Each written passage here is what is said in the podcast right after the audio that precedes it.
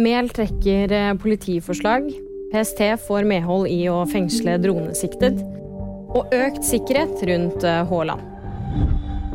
Justisminister Emilie Enger Mehl trekker forslaget om å kartlegge kutt i politiet i de store byene. Det skjer etter mye kritikk mot eh, forslaget. Både Politiets Fellesforbund, Arbeiderpartiet, Venstre, SV, Høyre og Frp reagerte sterkt. Justisministeren selv sier at de ikke ønsker å gå videre med det, fordi de ser at det har skapt stor uro.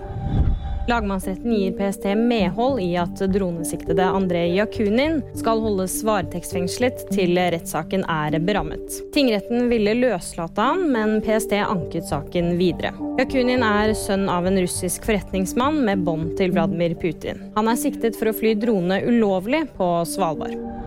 Erling Braut Haaland og teamet hans har tatt flere grep for å holde kriminelle unna superstjernen. Det skal være etter en brutal rans- og innbruddstrend som har rammet flere fotballspillere, at det er tatt ytterligere sikkerhetsgrep. I løpet av de siste 15 årene så har minst 80 av Europas beste spillere blitt utsatt for innbrudd i hjemmet, ifølge Vice. Og VG-nyhetene de fikk du av meg, Kaja Marie Andreassen.